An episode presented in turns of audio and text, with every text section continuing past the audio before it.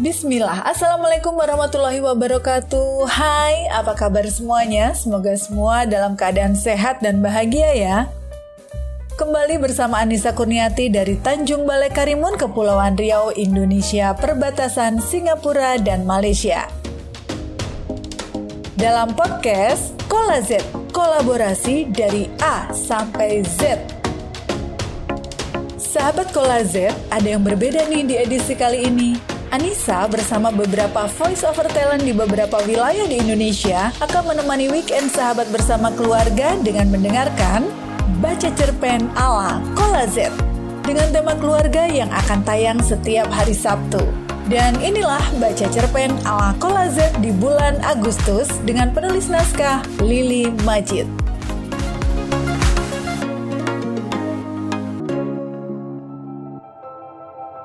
Sahabat Kola Z, Tahu tidak kalau selama ini saya produksi podcast Kola Z menggunakan Anchor.fm. Karena apa? Karena mudah buatnya. Rekaman podcast dengan Anchor.fm selain gratis, lengkap lagi. Mulai dari record, editing, sampai tahap distribusi ke Spotify dan beberapa platform lainnya, semuanya bisa dilakukan hanya dengan satu aplikasi saja. Jadi, yuk tunggu apa lagi? Segera download aplikasi Anchor.fm di Play Store dan mulai podcast kalian sendiri.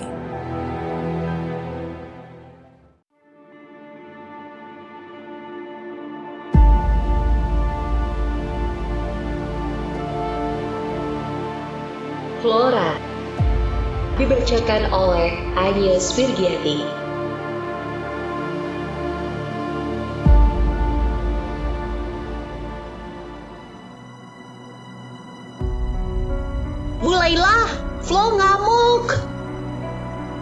Satu seruan mengagetkan aku yang tengah menghabiskan sisa sarapan yang sempat tertunda. Bukan hanya aku yang terkejut, tetapi juga rekan-rekanku yang lain yang sedang menghabiskan jam istirahat di ruang guru. Bergegas ku teguk air hangat di gelasku, lalu segera bangkit dan tergesa menuju ke kelas di ujung lorong. Dari kejauhan, kulihat kerumunan siswa berkonsentrasi di depan kelas itu.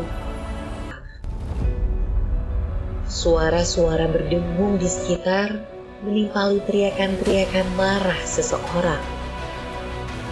Pergi kalian, pergi, jauhi aku. Kalian jahat, pengganggu, apa kalian tak punya kegiatan lain selain mengganggu orang? Sana, cari kesibukan, bukan hanya mengurusi orang lain. Musibah kerumunan siswa, aku tertegun sesaat. Di tengah-tengah kerumunan itu, kulihat Flora dengan amarahnya yang meluap. Wajahnya memerah, basah oleh air mata Rambutnya kusut tak menentu. Badannya yang kecil bergetar karena marah, juga karena isak yang tertahan. Tatapannya nyalang memandang sekeliling.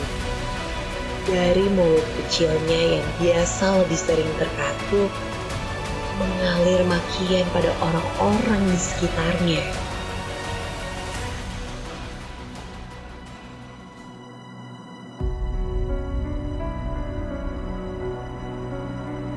Segera ku dekati ia.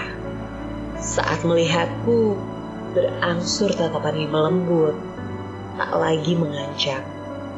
Sesaat kemudian, ia menjatuhkan dirinya ke lantai lalu tertunduk.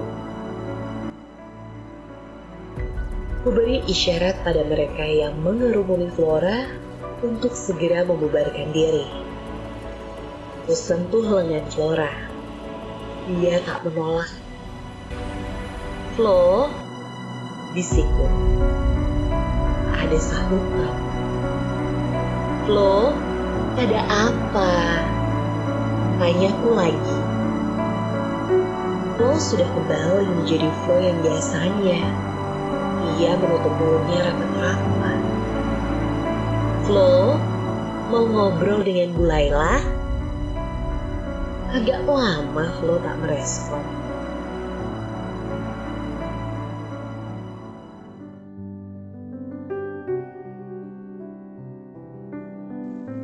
Tetapi akhirnya ia mengangguk. Ku hembuskan nafas lega. Ku genggam tangannya, mengajaknya menuju ruang guru. Tetapi Flo mengelak saat tahu tujuan kami. Ada apa? Tanyaku. Aku nggak mau ke sana, Bu. Kenapa? Flo kembali terdiam. Dia mulai nampak gelisah. Kembali pandangannya menekuri lantai koridor. Walau sudah kudesak, Flo tetap bergeming. Lagi-lagi, aku harus menghela nafas panjang. Yah, beginilah Flo.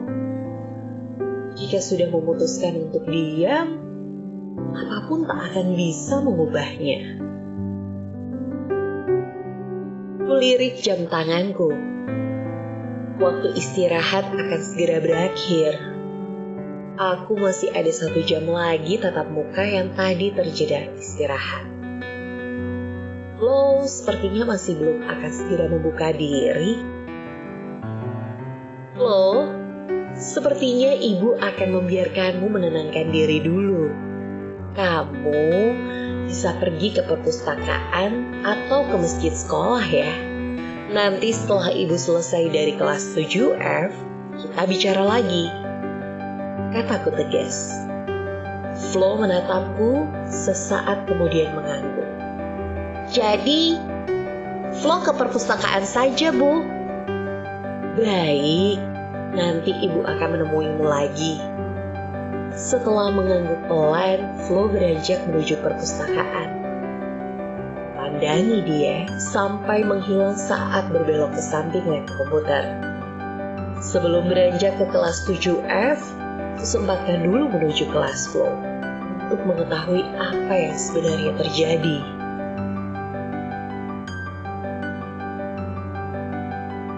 Kurang lebih 45 menit setelahnya, aku sudah duduk di hadapan Flora di sudut tersepi perpustakaan. Flo masih tak mau memandang wajahku. Kadang aku harus berkali-kali menarik nafas panjang jika menghadapi Flora.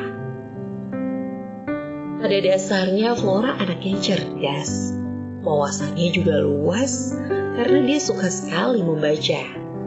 Yang menjadi permasalahan ialah sikap diam dan ketidakacuhannya pada sekitar.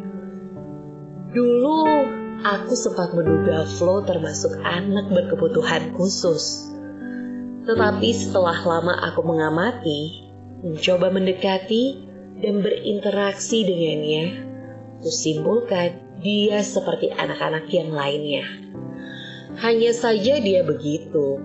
Ya, tidak banyak bicara. Jadi, tadi itu kenapa? Tanyaku.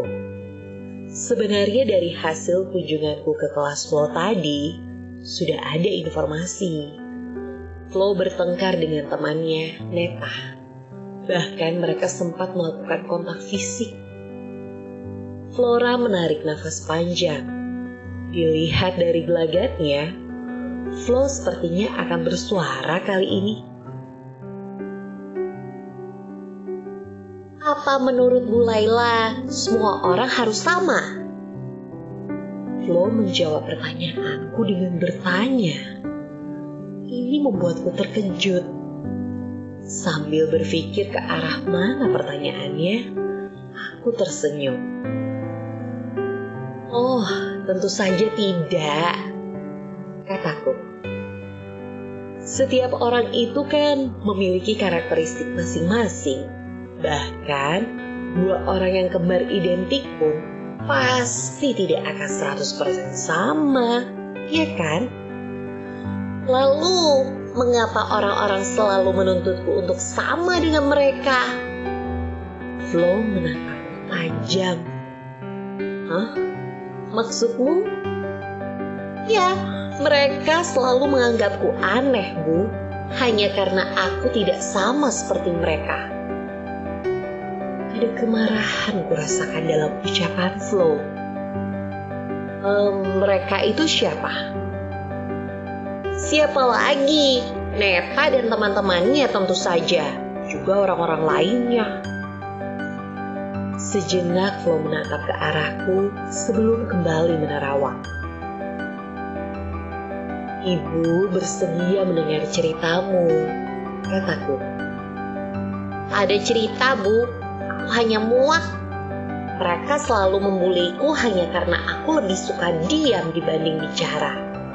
Mereka menyindirku karena aku lebih suka menekuni buku ketimbang mengobrol dan tertawa-tawa seperti mereka. Juga karena kesukaanku tidak sama dengan mereka. Flo, Mungkin sebenarnya mereka begitu karena mereka ingin dekat denganmu, tetapi tidak tahu caranya. Bujukku. Flora menyernitkan dahinya, lalu tersenyum hambar. Bu, bukan begitu cara memulai pertemanan. Cukup mereka tersenyum padaku, aku akan menyambut. Bukan dengan mengejek, menyindir-nyindir, mengata-ngatai. Hah, aku tertegun. Selama ini memang kulihat Flo tidak memiliki teman dekat di kelas seperti anak-anak pada umumnya. Seperti yang dia katakan tadi, dia memang tak banyak bicara. Jika yang lain berkumpul mengobrol, membicarakan hal-hal yang mungkin menarik di kalangan mereka, Flo akan terlihat asyik sendiri. Kadang memang kulihat dia bercakap-cakap dengan anak lain. Tetapi itu jarang sekali. Lebih sering dia asyik dengan buku di tangannya. Sebenarnya, apa yang membuatmu tidak suka bergaul sama teman-teman? Aku bergaul, Bu. Aku kadang mengobrol dengan Jehan, dengan Haris, dengan Nabila. Ya, ya, Ibu tahu maksud ibu selain dengan mereka. Bukankah yang lain juga teman-temanmu? Mungkin mereka juga ingin bicara denganmu. Seperti ketika kamu mengobrol dengan Jehan, Haris, dan Nabila. Kulihat Flora menarik nafas panjang. Tidak bisa, Bu. Aku sudah mencoba aku kurang nyaman bicara dengan yang lain. Kami agak kurang nyambung. Aku nggak ngerti saat mereka ngomongin BTS, Jingin, Blackpink, atau siapalah itu. Mereka juga terlihat bosan kalau dengar aku cerita. Makanya, aku lebih memilih diam saja. Lebih baik aku melanjutkan bacaanku dan gak ikut bergabung kalau mereka ngumpul-ngumpul. Flo meremas-remas tisu yang sejak tadi dipegangnya. Tapi mereka malah membuliku, bilang aku kudet, kampungan, norak. Katanya, aku masih menyimak sambil mengamati Flo diam-diam. Dengan isyarat meminta dia untuk meneruskan ceritanya. Aku nggak bisa maksa kalau aku merasa nggak nyaman, Bu mungkin orang lain bisa berpura-pura suka mendengar obrolan. Nggak bisa maksa kalau aku merasa nggak nyaman, Bu. Mungkin orang lain bisa berpura-pura suka mendengar obrolan yang padahal mereka nggak ngerti sama sekali, lalu ikut tertawa, seolah mereka tahu di mana letak lucunya. Tapi aku nggak bisa. Kadang aku juga males ikut ngobrol dengan mereka karena yang mereka bicarakan gak ada gunanya buat aku. Obrolan tentang cowok kecengan, opak Korea yang mereka suka. Gimana caranya ngeprank temen yang lain. Aduh, Bu, itu kan buang-buang waktu saja. Hmm. Lalu, aku pernah bilang ke mereka, apa sih serunya ngomongin itu? Tapi mereka malah marah. Itu sebabnya aku lebih suka sendiri kata Flo polos. Sebisa mungkin kutahan senyum yang ingin menyeruak dari bibirku. Kadang aku mikir sendiri ya Bu, apa memang aku yang aneh karena nggak bisa Kadang aku mikir sendiri ya bu, apa memang aku yang aneh karena nggak bisa seperti mereka? Hei, jangan berpikir negatif tentang diri sendiri. Tadi kan sudah ibu bilang kalau setiap manusia memiliki karakter berbeda. Tapi nggak semua orang berpikir seperti Bu Laila sepertinya. Oh ya? Ya, karena aku seringnya menemukan orang-orang yang mengharap aku seperti mereka. Sama cerewetnya, sama banyak bicaranya. Banyak juga yang beranggapan orang yang lebih suka diam seperti aku adalah orang yang bodoh, tidak tahu apa-apa dan tidak bisa berbuat apa-apa. Wah, ibu baru tahu ada yang seperti itu. Ah, ibu mah pura-pura. Aku yakin ibu pernah menemukan yang seperti ini. Flora agak cemberut. Aku tersenyum. Lalu, ya, itu bikin aku sebal, marah, kesel, dan bikin aku makin gak mau deket-deket orang seperti itu. Bukan cuma teman-teman loh, Bu. Guru juga ada yang seperti itu. Hei, jangan berburuk sangka bukan berburuk sangka, tapi memang ada. Aku nggak akan bilang itu siapa, tapi aku tahu dari caranya bicara denganku, aku tahu dia menganggap aku nggak punya kemampuan apa-apa. Makanya aku jadi males juga kalau jam pelajarannya. Flora tersenyum kecut. Lalu kemudian dia seperti baru menyadari sesuatu. Ya ampun, dari tadi aku bicara terus. Jangan-jangan ibu bosen. Katanya Pani. Aku tertawa. Itu yang ibu tidak habis pikir sejak tadi. Kataku. Katanya kamu bertengkar tadi gara-gara Neta membulimu karena kamu begitu pendiam. Tapi nyatanya aku tersenyum menggoda Flo karena aku nyaman kalau bicara dengan ibu, katanya. Oh ya? Ya, ada orang-orang yang dengan mereka aku bisa banyak bicara. Di antaranya ya dengan Ibu Laila, terus Jehan, Haris, Nabila, ada Mama, Papa, eh, dan beberapa orang lainnya. Katanya, pandangan Flora menerawang. Wah, apa tidak bisa kalau kamu menyamankan dirimu juga saat kamu mencoba berbicara dengan yang lainnya? Itu nggak bisa dipaksakan, Bu. Oh ya? Iya. Flo mengangguk tegas.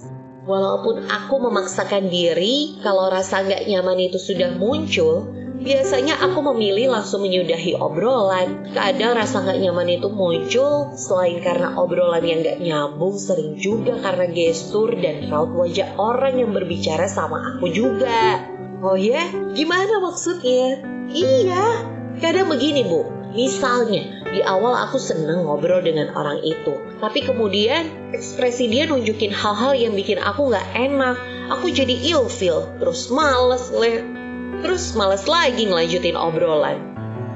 Ekspresi bagaimana itu? Uh, kayak ekspresi gimana ya? Mencemooh, meremehkan, terpaksa, merendahkan, ya gitu-gitu deh. Wah, ini menarik loh. Tapi apa nggak mungkin kamu salah mengartikan ekspresi mereka? Biasanya sih enggak, Bu. Kalau ngobrol biasanya aku sambil mengamati, apalagi mata. Mata itu seringnya nggak bisa bohong kan Bu? Kata Flo serius.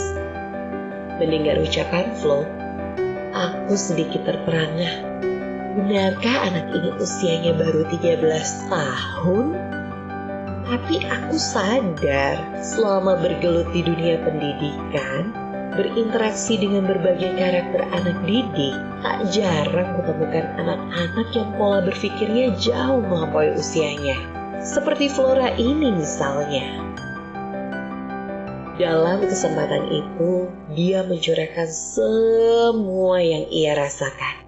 Terutama bagaimana dia saat bentrok dengan Neta dan teman-teman. Aku memberinya beberapa masukan, juga pandangan-pandangan dari sisiku sebagai guru sekaligus wali kelasnya. Terakhir, ku ambil upaya melakukan mediasi agar Flora dan Neta kembali berbaikan diakhiri dengan memberi pengertian-pengertian pada mereka juga teman-temannya untuk saling menghargai satu sama lain. Masalah mereka selesai, tetapi justru aku merasa tugasku belum selesai.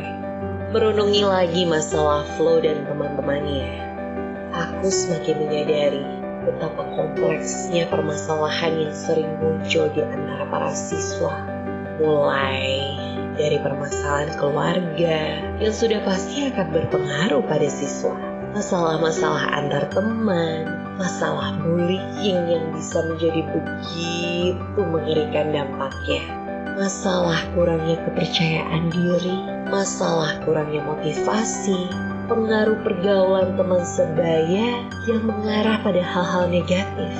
Semua bisa muncul di antara mereka ini PR untuk kami para pendidik dan tentu saja para orang tua untuk mampu mengatasinya. Lebih baik lagi jika mampu mencegah sebelum munculnya.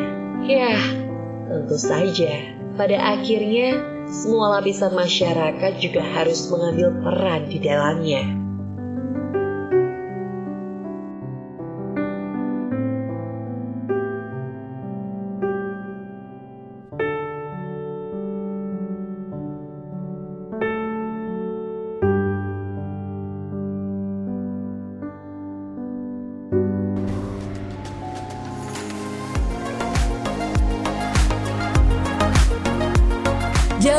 Pulau Parit, jangan lupa bawa kue sagu. Anissa mohon pamit. Wassalamualaikum warahmatullahi wabarakatuh.